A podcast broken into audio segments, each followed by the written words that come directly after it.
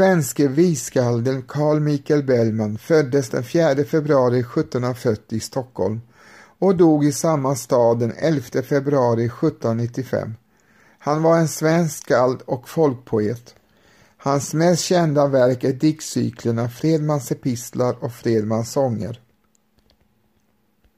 Bellman brukar betraktas som en av Sveriges nationalskalder och har kallats för Nordens Anekreon vilket syftar på de bakaniliska aspekterna av hans verk. Hans diktning har varit mycket viktig för senare svensk litteratur och hans betydelse för denna har jämförts med William Shakespeares för den engelskspråkiga. Bellmans produktion var synnerligen riklig och omväxlande. Den omfattar bland annat dikter, visor, ordensparodier, skådespel, översättningar och religiös diktning. Bland figurerna i hans sånger märks urmakaren Fredman, musikern Movitz, korpral Mollberg och den prostituerade Ulla Winblad. Men även gestalter hämtade från den bibliska, grekiska och romerska och fornnordiska mytologin finns med. Han arbetade ofta med kontrasterade stilnivåer och genreblandning i ett och samma verk, så att vad man som till en början verkade som en pastoral kunde senare övergå i supfest och samlag. Melodierna i hans sånger lånar han liksom andra sångförfattare ofta från melodier som var populära i samtiden. De kom bland annat från opera och operett, dansmusik och folkvisor och arbetades om så att det passade hans syfte. I vissa fall, såsom Träv fram du nattens gud, har man inte hittat någon källmelodi. Huruvida Bellman då själv skrivit melodin eller om källmelodin fallit i glömska är en fråga som inte går att besvara.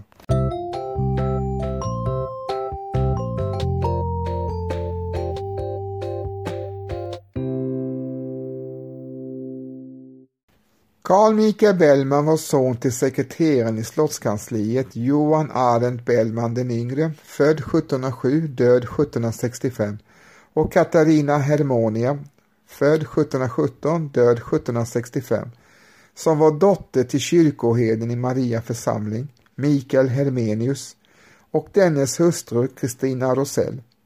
Han var sonson till latinprofessorn Johan Arendt Bellman den äldre 1664 till 1709 och dennes adliga hustru Katarina Elisabeth Daurer född 1688 till 1709 dotter till sekreteraren i guvernantet över drottning Kristinas underhållsländer, Jakob Daurer 1649 till 1713 och dennes hustru Katarina von Santen född 1665 och död 1743 i vars förmögna hushåll Bellmans föräldrar bodde vid tiden för hans födelse. Hur mina föräldrar krånglade blev jag som sagt född den 4 februari 1740 min mor, vacker som en dag, oändligen god, charmant i sin klädnad, god mot alla människor, delikat i sitt omgänge, hade en förträfflig röst och hade vänt sig att ligga i 21 barnsängar. Men detta lekvärdet gjorde husets ruin, ur Carl Michael Bellmans levnadsbeskrivning. Bellman föddes i det stora Dauriska huset en ansenlig malmgård med tillhörande barockträdgård och ett stort orangeri vid Hornsgatan i Stockholm. Men i samband med arvskiftet efter hans farmors mors död flyttade familjen 1744 till det närbelägna lilla Dauriska huset på Bellmansgatan, dåvarande Björngårdsbrunnsgränd. Bellman var äldst av 15 barn, varav endast åtta överlevde barndomen. Bellman säger i sin levnadsbeskrivning att hans moder födde 21 barn, men kan ha räknat med sena missfall. Som fadder vid hans dop stod bland annat kanslipresidenten Carl Gyllenborg, vars namn han också fick. Sin utbildning fick Bellman i hemmet av informatorer. Först i raden var Anders Karl Rutström, sedan följde Petrus Norman, som troligen skulle komma att parodiseras i Fredmans sång nummer 63. Fler informatorer följde. Bellman tycks ha haft svårt för geometri och fysik. Under en svår sjukdom, möjligen malaria, lär Bellman enligt egen uppgift i levnadsbeskrivningen en problematisk källa som skrevs mer för effekt än sanningsenlighet, ha feberyrat på vers och sjungit till sina föräldrars stora förundran, varför honom valdes till informator ett geni vid namn Claes Ludvig Ennes, vilken genom mig befordrats hos salige kungen. Ennes lärde Bellman att hantera en sister, ett instrument till lutfamiljen. Under Ennes överinseende översatte Bellman även religiösa och uppbyggliga texter, bland annat ur den poetiskt färgade Neues Geschichtliches Gesangbuch. Möjligen fick han även sin diktade lärare låna ett par av de versmått som Bellman senare skulle komma att bruka. Ennes var duktig på metrik men annars tämligen medelmåttig.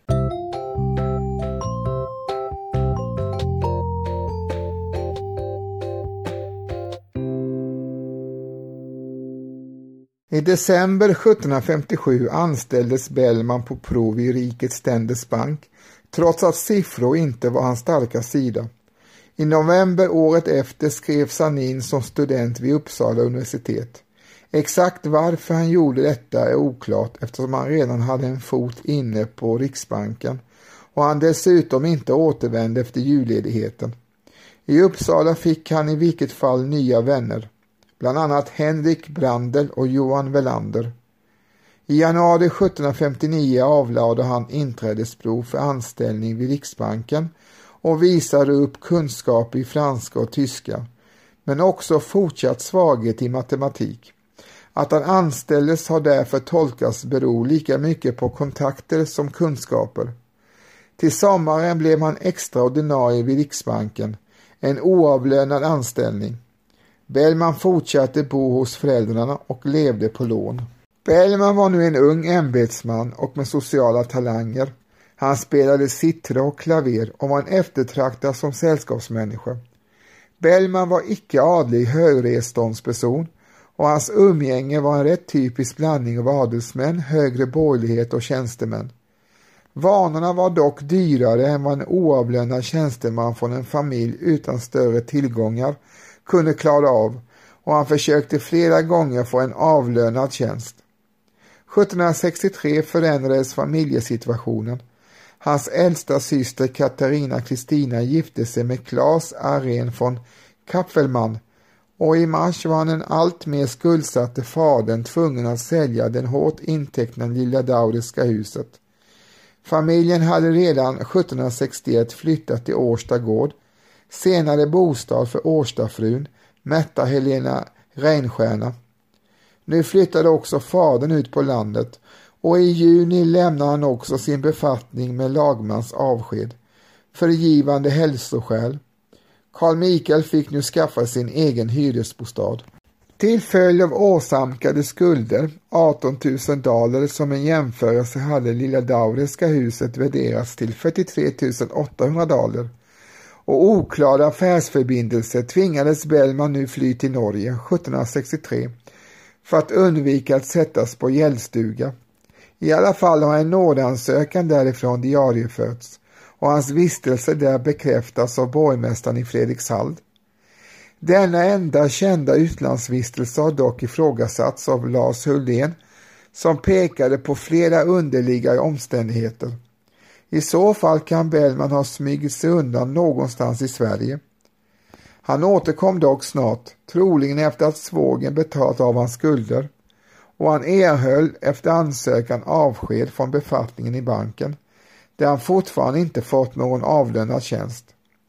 Han anställdes 1764 istället vid manufakturkontoret, bland annat efter att styrelsemedlemmen Anders Lisander gått i god för honom. Familjen hade då flyttat från Årsta till det mer avlägsna Visbohammar där Carl Michael tillbringade hösten. När anställningen blev klar kunde han flytta till staden. Till en början tycks han ha bott hos Lisander, sedan flyttade han först till en lägenhet i närheten av sjön Fetburen och 1766 till hörnet Götgatan Ormsaltsgränd, nuvarande Klevgränd.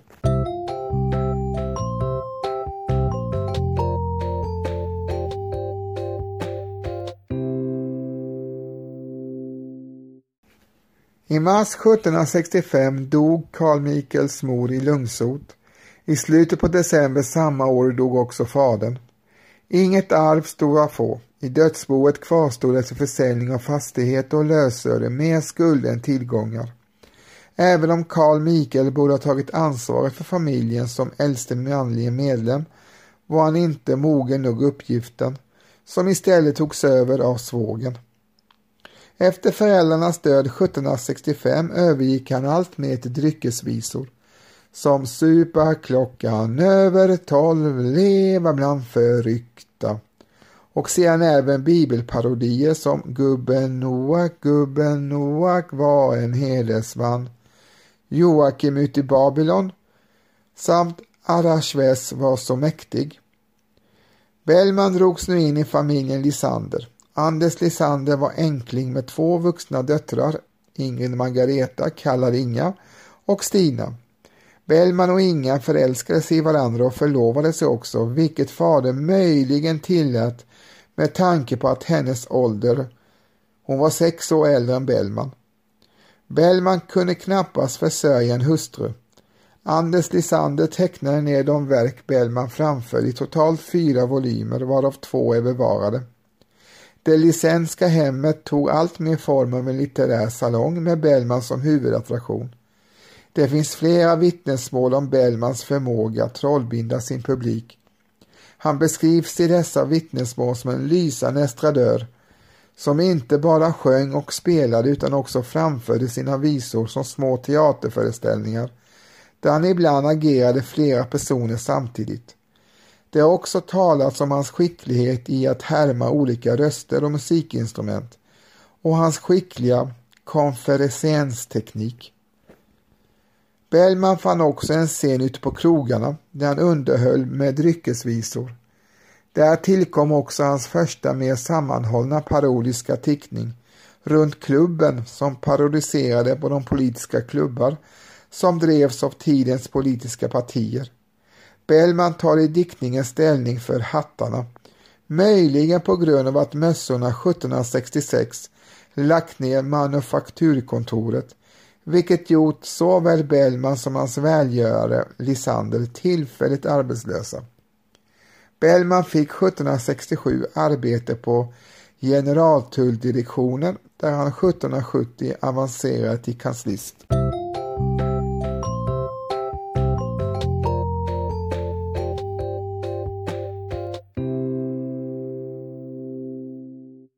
Drag från denna diktning fördes över till hans parodier av de vid denna tid vanliga ordersällskapen i form av den påhittade Bacchiorden, öppen för dem som vid minst två tillfällen blivit åsedda liggande i rännstenen. Liksom i hans senare verk uppstod humorn genom att ett högtidligt spektakel rollbesattes av personer som normalt aldrig skulle komma i åtanke i sådana här situationer.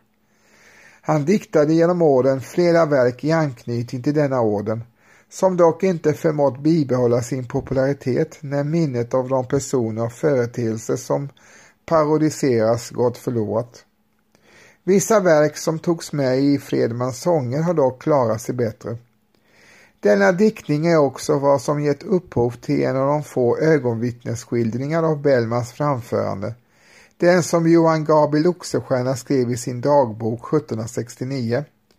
Han tycks bland annat ha bevittnat ett framförande av över brännvinsbrännaren Lundholm. Han sjunger själv och spelar på sittra.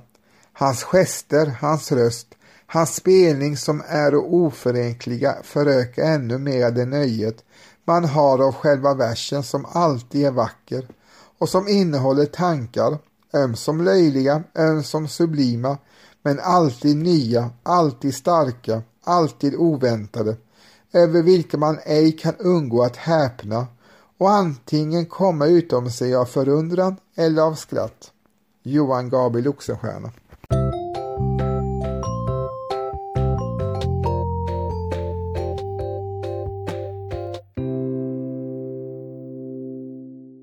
När före detta hovurmakaren Jean Fredman avled 1767 fick han en gravmarsch skriven över sig som starkt påminde om Back i dikten och som senare skulle bli Fredmans sång nummer 26, Fredmans begravning. I denna blandas ordensparodin med drift med religiös diktning och förebådar så den senare Fredmansdikten, även om denna skulle dröja till tre år senare.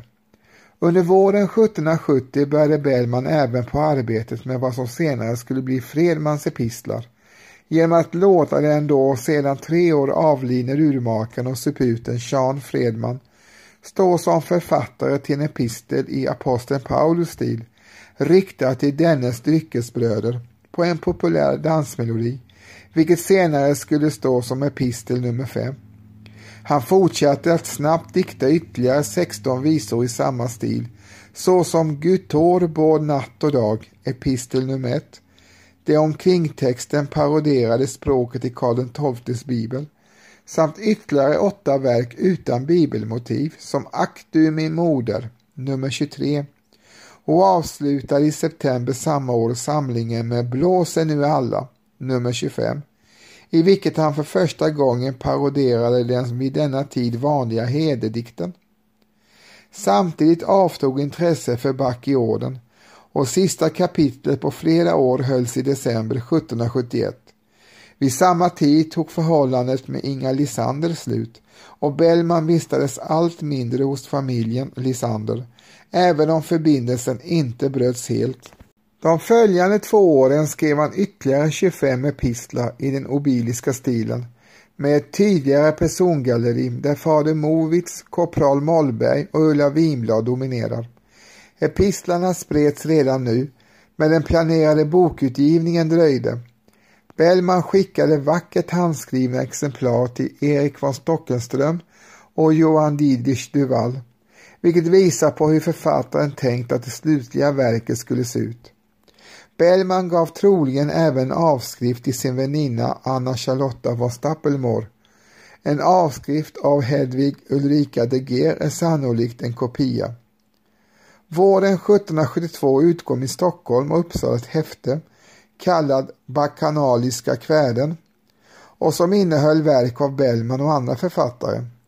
Det har diskuterats vem som låg bakom samlingen. Karina Burman håller för sannolikt att Bellman på något sätt var inblandad.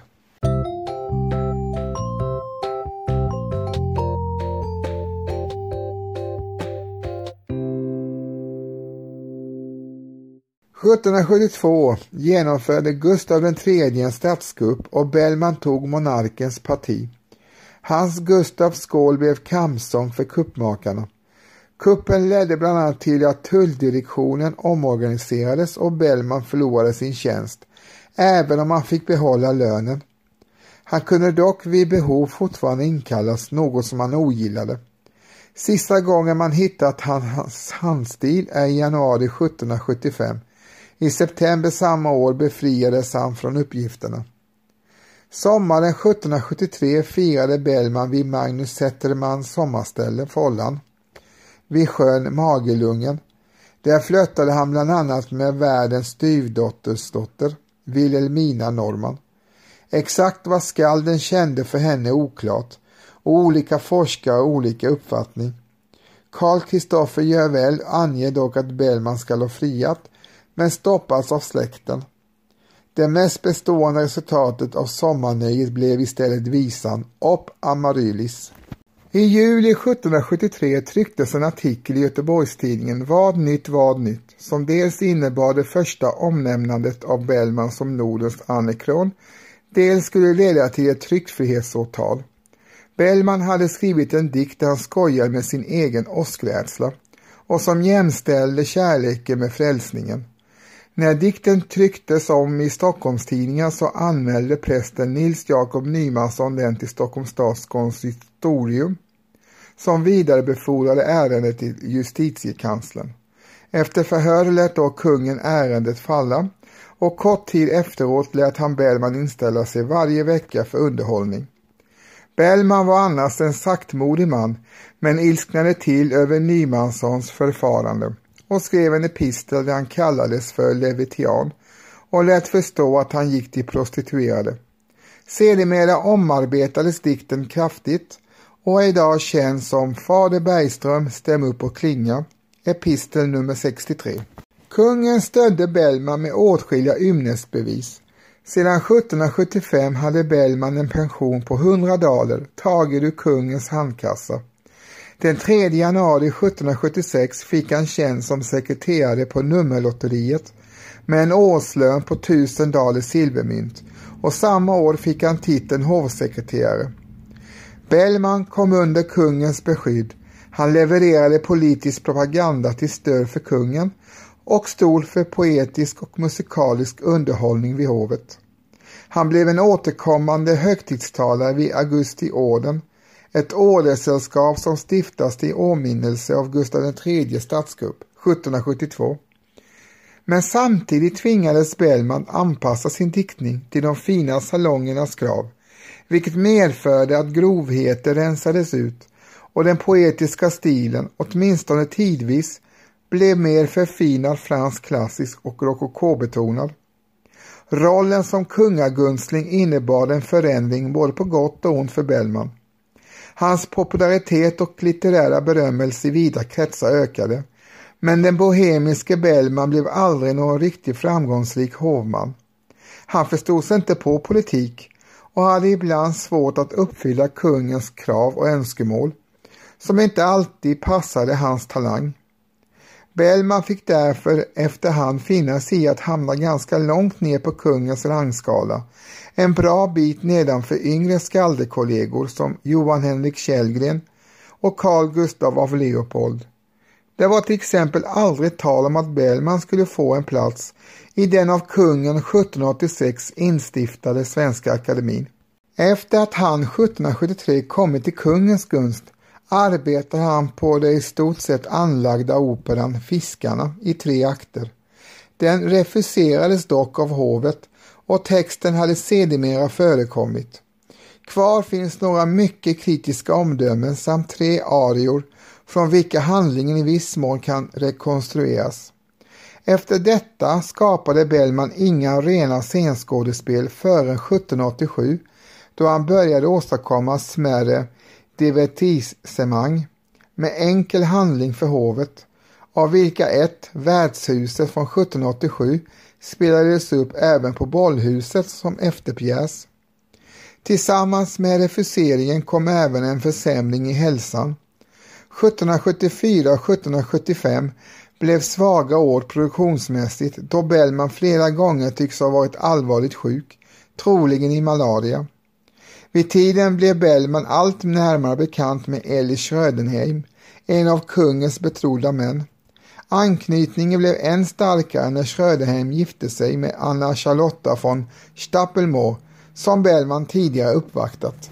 Bellmans anseende i de fina kretsarna skadades dock allvarligt 1778 då Johan Henrik Källgren i dikten Mina löjen gick till rasande och hårt angrepp mot Sveriges Anna Creon Källgrens attack baserades inte så mycket på innehållet som stilblandningen och den eh, språkliga grovheten. Det kunde gå för sig att sjunga dryckenskapens och kärlekens lov, men då skulle det vara i mer högstämda toner, helt i enlighet med en ursprunglig anakron. Främst var dock angreppet ett sätt att vinna kungens gunst. Bellman var den främste hovpoeten och Källgren ville ta hans plats. Bellman kände sig både skakad och kränkt. Under riksdagen 1778 till 1779 fungerade Bellman som notarie för bondeståndet medan Eli Schrödenheim var sekreterare. Eftersom de båda dessa var goda sällskapsmänniskor och föga högfärdiga samtidigt som de var kungatrogna var syftet att genom dem charma bönderna att gå med på kungens förslag. Resultatet blev bland annat en uppluckring av religionstvånget och avskaffandet av dödsstraffet för flera brott.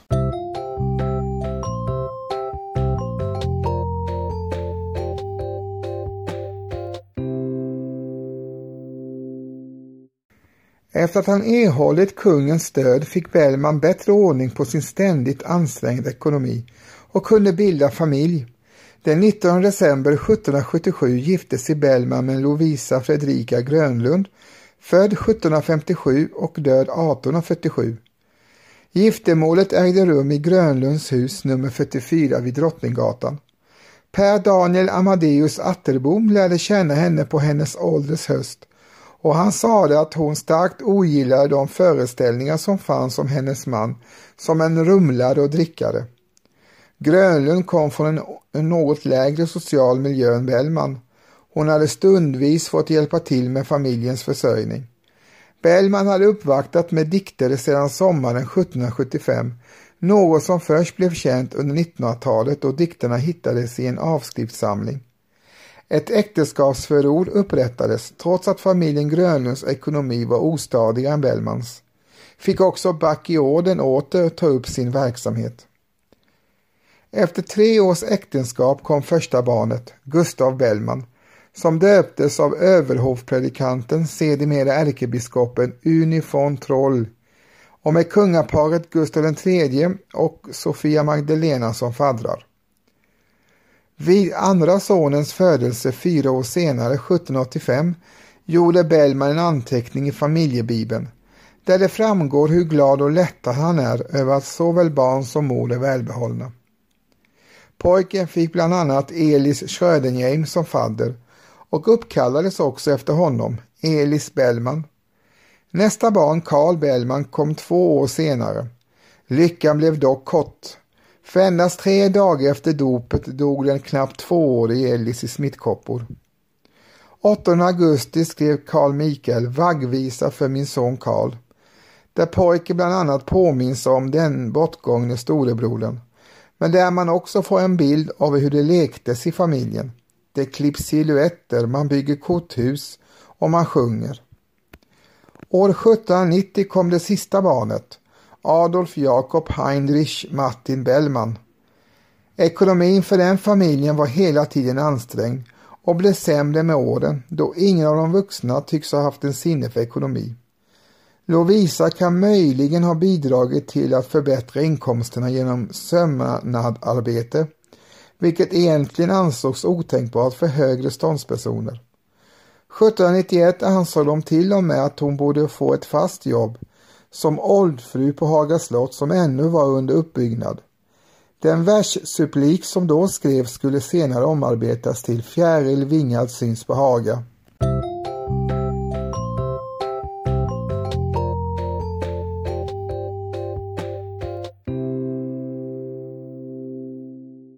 Carl Michael Bellman var medlem i flera ordnar, bland annat Frimurarorden.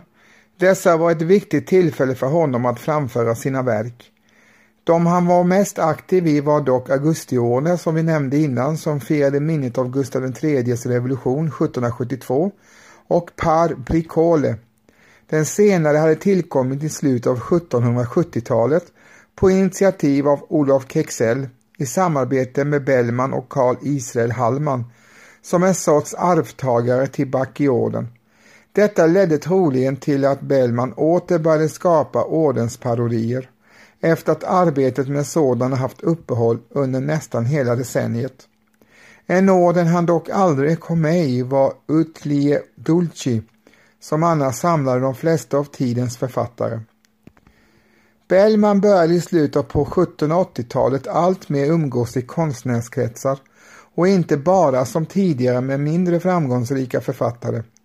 Han började då även odla vänskap med bland annat Johan Tobias Sergel, Per Hilleström och Elias Martin. Han träffade också borgare och officerare i Kungsholmsklubben utan att vara den som stod för underhållningen.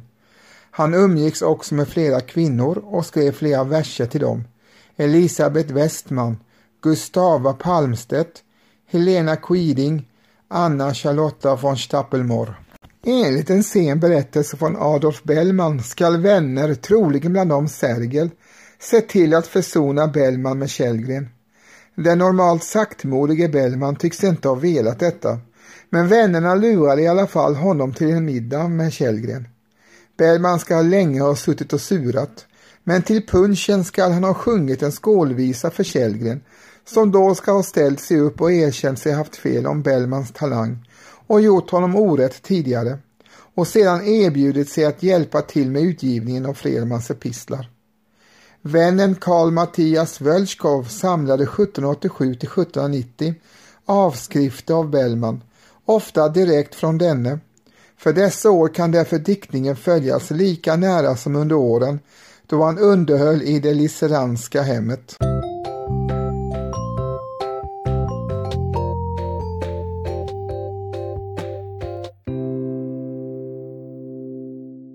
År 1780 satte Bellman samman en handskriven samling kallad En stuv rim som innehöll en del av Fredmansdiktningen, även sådan som senare skulle ratas, och en del nyskrivet material. Det mest originella var dock kanske formen, en rulle med hoplimmade papper, cirka 40 meter lång. Stuven gavs till Elis Schrödinger, troligen så att denne kunde presentera den för kungen. Under 1781 gav han i samband med Kexel ut skämttidningen Vad behagas, som dock inte blev någon större succé och endast utkom i ett par veckor och totalt åtta nummer. Men ett par undantag framstår också innehållet inte som av det bästa klass, möjligen på grund av bristande förmåga av Kexel att bidra. I maj 1779 dog Fredrik Movitz, förebilden till Bellmans figur. Bellman påbörjade arbetet med en parentation över denne, som man tidigt försökte få tryckt.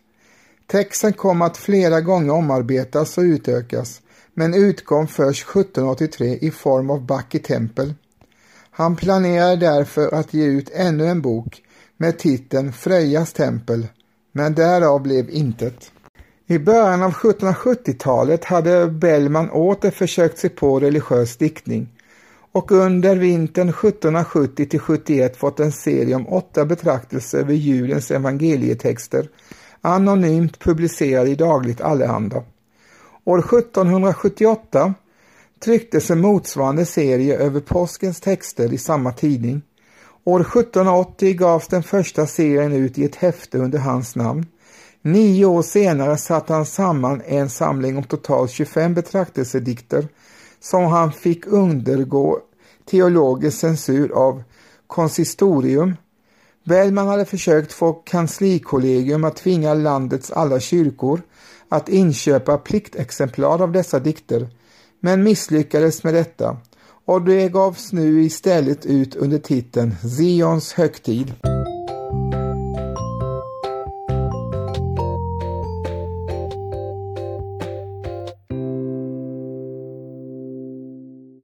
År 1789 föreslog Erik Weste för musikförläggaren Olof Ålström att denne skulle ge ut Fredmans epistlar. Arbetet kom även att involvera Bellman själv, Carl Jakob Lundström och Källgren, som vid det här laget ändrat sin syn på författaren och var den som skrev förordet. Bellman hade inte kvar manuskript till epistlarna, så dessa fick uppletas på olika håll. Redaktörerna tycks ha arbetat med två eller tre förlagor till de flesta epistlar. Redaktionen bestämde ordningen på epistlarna men följde i stort sett den plan som Bellman anlagt i det exemplar han skickat till Johan Didrich Duval i början av 1770-talet. I alla fall tre epistlar ströks, medan två som förekom i andra samlingar än de som användes kan ha missats. Å andra sidan togs två dikter som tidigare inte kallas för epistlar in, nummer 18 och 78. Ålström stod för arrangemang och notskrift. Bellmans insats i redigerandet var ganska blygsam. Han skrev dock sex eller sju nya epistlar och såg till att ge dem en ordentlig avrundning. I epistel 82 tas farväl av såväl Fredman som Ulla Winblad. Partier ströks i flera verk Runda ord byttes ut. I alla fall två epistlar arbetade Bellman om ordentligt. Det var nummer 63 och nummer 72. Källgrens förord skulle bli långsiktigt betydelsefullt och forma eftervärldens bild av Bellman som beskrivs som ett geni som inte kan jämföras med andra eller dömas efter vanliga regler. Epistlarna var inte till för att läsas utan att sjungas. En långt mer uppsluppen konstform. Framställningen var närmast förromantisk och ställde Bellman i motsättning till den klassicism Källgren själv arbetade i. Bellman var uppenbart glad och stolt över att Fredmans epistlar nu tryckts och som bevis på detta fick hans yngste son namn av två av dem som varit inblandade, Carl Jakob Lundström och Johan Henrik Källgren, förutom kronprins Gustav Adolf och Bellmans svåger. Han fick inte mer än 50 riksdaler för arbetet. Källgren lyckades dock tillsammans med Nils von Rosenstein utverka ytterligare 50 riksdaler till författaren av Svenska Akademins medel trots motstånd från Gustav av Leopold. 1791 kom Fredmans sånger ut. Titeln valdes troligen ut av marknadsföringsskäl då innehållet i huvudsak inte hade med Fredman att göra utan bestod av lite varjehanda, tidiga bibelparodier och sånger ur ordenskapiteln, dryckesvisor och pastoraler samt royalistiska hyllningar som Fjäril vingad. Däremot saknas helt religiösa texter, västsatirer och scenstycken. Bellman tycks ha varit mindre inblandad i omarbetningen av dessa texter, men har å andra sidan denna gång markerat att han även stått för en del av musiken.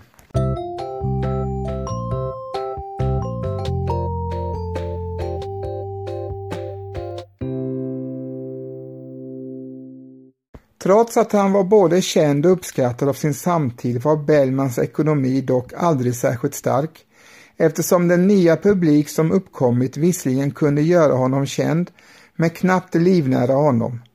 Den äldre modellen med massentenskap och eh, sinekurer gällde ännu och de som främst efterfrågade Bellman hade knappast råd med sådant. Bellman och hans familj flyttade ofta, hela tiden till sämre bostäder Sista adressen låg i ett hus nära Gamla Kungsholmsbron i korsningen Gamla Kungsholmsbrogatan och Lilla Munklägesgatan i det numera försvunna kvarteret Braxen, nu del av Centralstationens banområde. I och med kungens död hamnade Bellman åter på obestånd. Gustav III blev ju mördad 1792. Han försökte sig på att översätta Christian Fürstengott Gallerts fabler vilka utkom 1793. En av översättningarna hade ursprungligen gjorts av Carl Gustav af Leopold och Bellman försökte förgäves få honom att skriva ett förord. Leopolds översättning framstår som den mest lyckade då Bellman överarbetar texten så att den visserligen blir mer livfull men också ofta är nästan helt förlorar poängen. Den 11 december 1793 invaldes Bellman som ledamot nummer 138 av Kungliga Musikaliska Akademin. År 1794 sattes han i arrest för en obetald fordran, en så kallad bysättning, i högvaxflygen på Stockholms slott. Där författade han en rad texter och visor och påbörjade även sin ofullbordade självbiografi, Levnadsbeskrivning. Efter en tid löste några av hans vänner ut honom, men de svåra förhållandena inom den tiden i häktet hade dramatiskt försämrat hans redan dåliga hälsotillstånd. Han avled kort därefter, en vecka efter sin 55-årsdag, i tuberkulos. Han begravdes på Santa Clara kyrkogård utan gravsten. På 1840-talet skapades en gravplats på Norra begravningsplatsen i Solna. År 1851 lät Svenska Akademin resa en sten till Bellmans minne på Klara kyrkogård.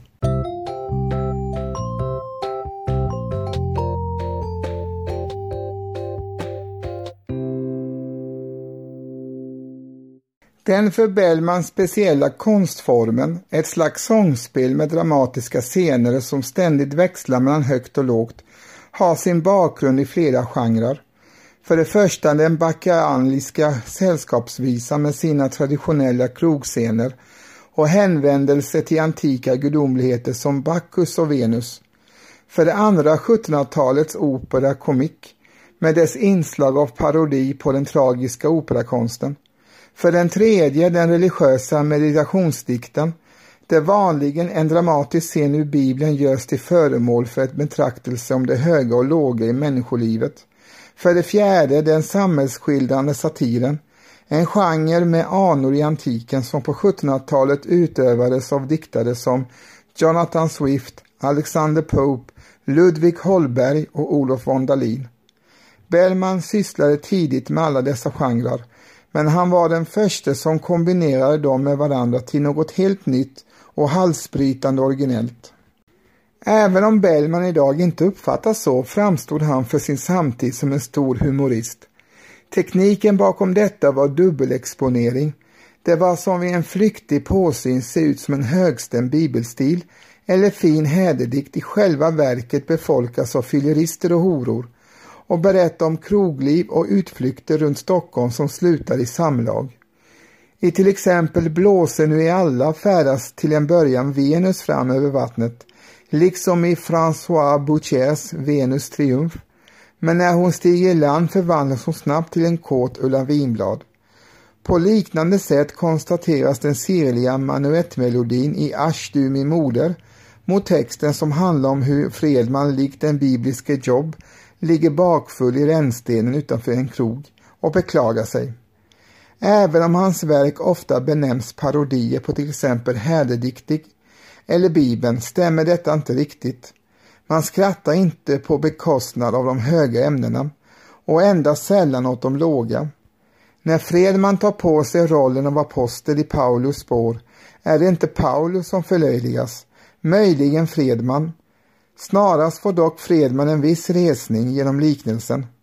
Denna mångstämmighet i Bellmans texter som ger publiken en möjlighet att själv välja synpunkt och olika tolkningsmöjligheter anses vara en viktig förutsättning för Bellmans bevarande attraktionskraft. Att det komiska i Bellmans verk inte längre framgår kan bero på att han lyckas för väl. Genom att föra in krogvärdar, fyllon och prostituerade i kulturens finrum synliggjorde han även dem och med tiden blev dessa så accepterade att de numera inte längre sticker ut. På samma sätt synliggjorde han Stockholm, den svenska naturen som förutom Carl von Linné tidigare knappt uppmärksammats och även människan. Tidigare hade egenskaper som fysionomi och klädedräkt förekommit mycket sparsamt. Forskningen har ofta haft svårt att skilja på Bellmans diktning och den verkliga världen. Äldre forskning har ofta försökt skriva biografier över Bellmans figurer utifrån de verkliga förlagorna som dock sällan lånat mycket mer än namn och yrke till diktens gestalter. Detta har i viss mån även drabbat skalden själv, som ibland ansetts vara en suput av samma sort som sina skapelser. Även han själv kunde på detta sätt blanda ihop dikt och verklighet, som när han undertecknade brev med Movits eller i ett protokoll antecknade tulltjänstemannen Per Lundbäcks namn tillsammans med hans titlar i back i orden.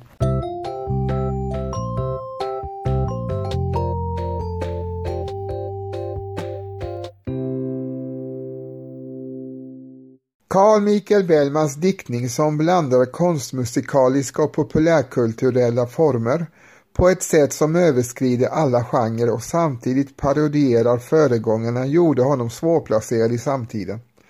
Han var för grov för att accepteras fullt ut i de fina salongerna och samtidigt för subtil för att riktigt passa som folklig underhållare på krogen. Diktaren Carl Gustav Leopold och tidningsmannen Carl Kristoffer Jövel hörde till de som hade svårt att få bilden av Bellman som en stor diktare att gå ihop med hans rykte som försupen krogpoet. För romantiken gick dock samma rykte väl ihop med föreställningen om det självförbrännande romantiska geniet, liksom att blandningen av högt och lågt och synen på diktaren som en gudomlig inspirerad naturskald var väl förenlig med romantikens estetik. Ur romantisk synvinkel var det däremot svårare att acceptera annat hos Bellman, som hans sexuella grovheter, hans masker och rollspel, det sociala kryperiet och hans medvetna anpassning i sin hovdiktning. Och man bortsåg därför helst från delar av hans diktning.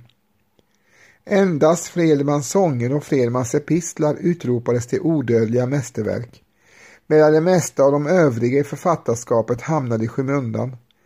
Trots att synen på Bellmans konst har förändrats flera gånger sedan dess har tendensen att bortse från det mesta i hans diktning utom epistlarna och sångerna stått sig kvar. Efter romantiken var det Bellmans realism som beundrades och man strävade efter att finna en biografisk sanning bakom verket. Sedan den senare delen av 1900-talet har forskarnas intresse för Bellmans biografi realism och stadsmiljöer gradvis ersatts av ett ökande intresse för hans intrikata bildspråk och berättarteknik, hans användning av klassisk mytologi, hans musikaliska paroditeknik och annat som belyser hans poetisk musikaliska framställningskonst. Bellmans inflytande på svensk litteratur har varit stort inom både lyrik och romanprosa. Han anses också som grundaren av den svenska visgenren med efterföljare som Gunnar Wennerberg, Birger Sjöberg, Evert Taube, Fred Åkerström och Cornelis Vreeswijk. Bellman har fått gator uppkallade efter sig i Stockholm, Göteborg, Malmö och Uppsala. Vid en gata i Stockholm som 1871 bytte namn till Bellmansgatan låg hans födelsehus.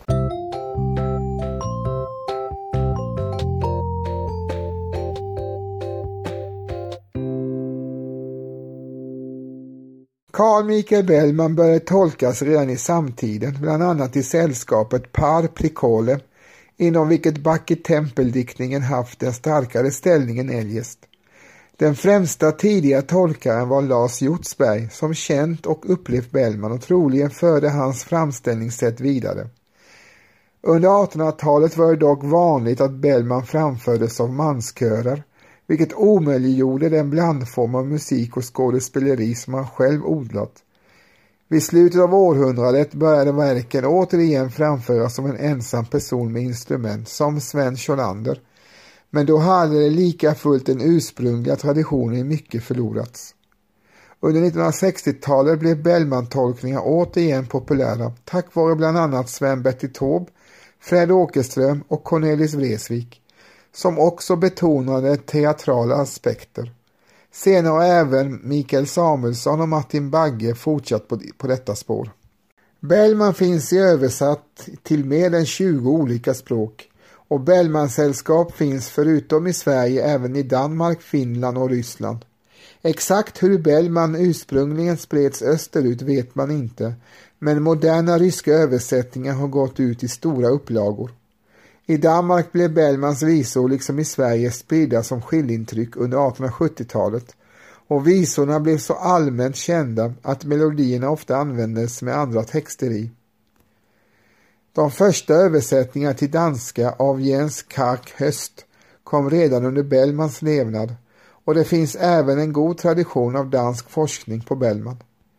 Det största nutida intresset för Bellman utanför Sverige finns i Tyskland där Felix Nidner under tidigt 1900-tal gav ut både en biografi över Bellman och en översättning av samtliga epistlar. På tyska har hittills ett femtontal olika personer var för sig översatt hela eller stora delar av Bellmans epistlar och sånger. I Norge sjungs Bellman huvudsakligen på svenska och i Finland och i baltstaterna är Bellmansvisor inte ovanliga som körstycken. På engelska finns ingen levande Bellman-kultur, men Paul Britten Austin skrev både en Bellman-biografi och en serie noggranna och känsliga översättningar som spelats in på skiva både av svenskar och av engelsmannen Martin Best. Lite slarvigt brukar man ange att Bellman spelade luta. Förra sekelskiftets Bellmanvåg ledd av Sven Scholander kretsade kring lutsång framför på en luta specialombyggd för visång som kommer att bli modellen för den moderna svenska lutan. Bellman själv ägde tre instrument, en mandolin samt en sister och en sistichen var de två sista instrumenten är besläktade med lutan. Bellmans sister, identifierad genom instrumentmakarens numrering och listor över försålda instrument, förvaras och visas i Bellmanhuset på Södermalm i Stockholm. Medan hans Sistichen finns i Historiska museets samlingar. Ni har precis hört mig, Nicke Grozanowski, berätta om den store 1700-talssångare och poeten Carl Michael Bellman om hans liv, om hans familj, om hans olika verk, om hans insats för den svenska litteraturhistorien. Det har blivit lite Fredmans sånger och lite Fredmans epistlar, om hans stora persongalleri som finns i hans olika sånger. I början av avsnittet fick ni höra Fredmans sång nummer 64, det vill säga Fjäril vingar syns på Haga. Och som avslutning får ni höra Käraste bröder, systrar och vänner epistel nummer 9 framförd av Fred Åkerström. Podden utkommer två gånger i veckan, onsdagar och lördagar med lite bonusavsnitt då och då, så håll utkik. Och med detta vill jag tacka alla ni som har lyssnat på det här avsnittet och på mina podd. Och på återhörande så hörs vi snart igen. Var rädda om er. Hej hej!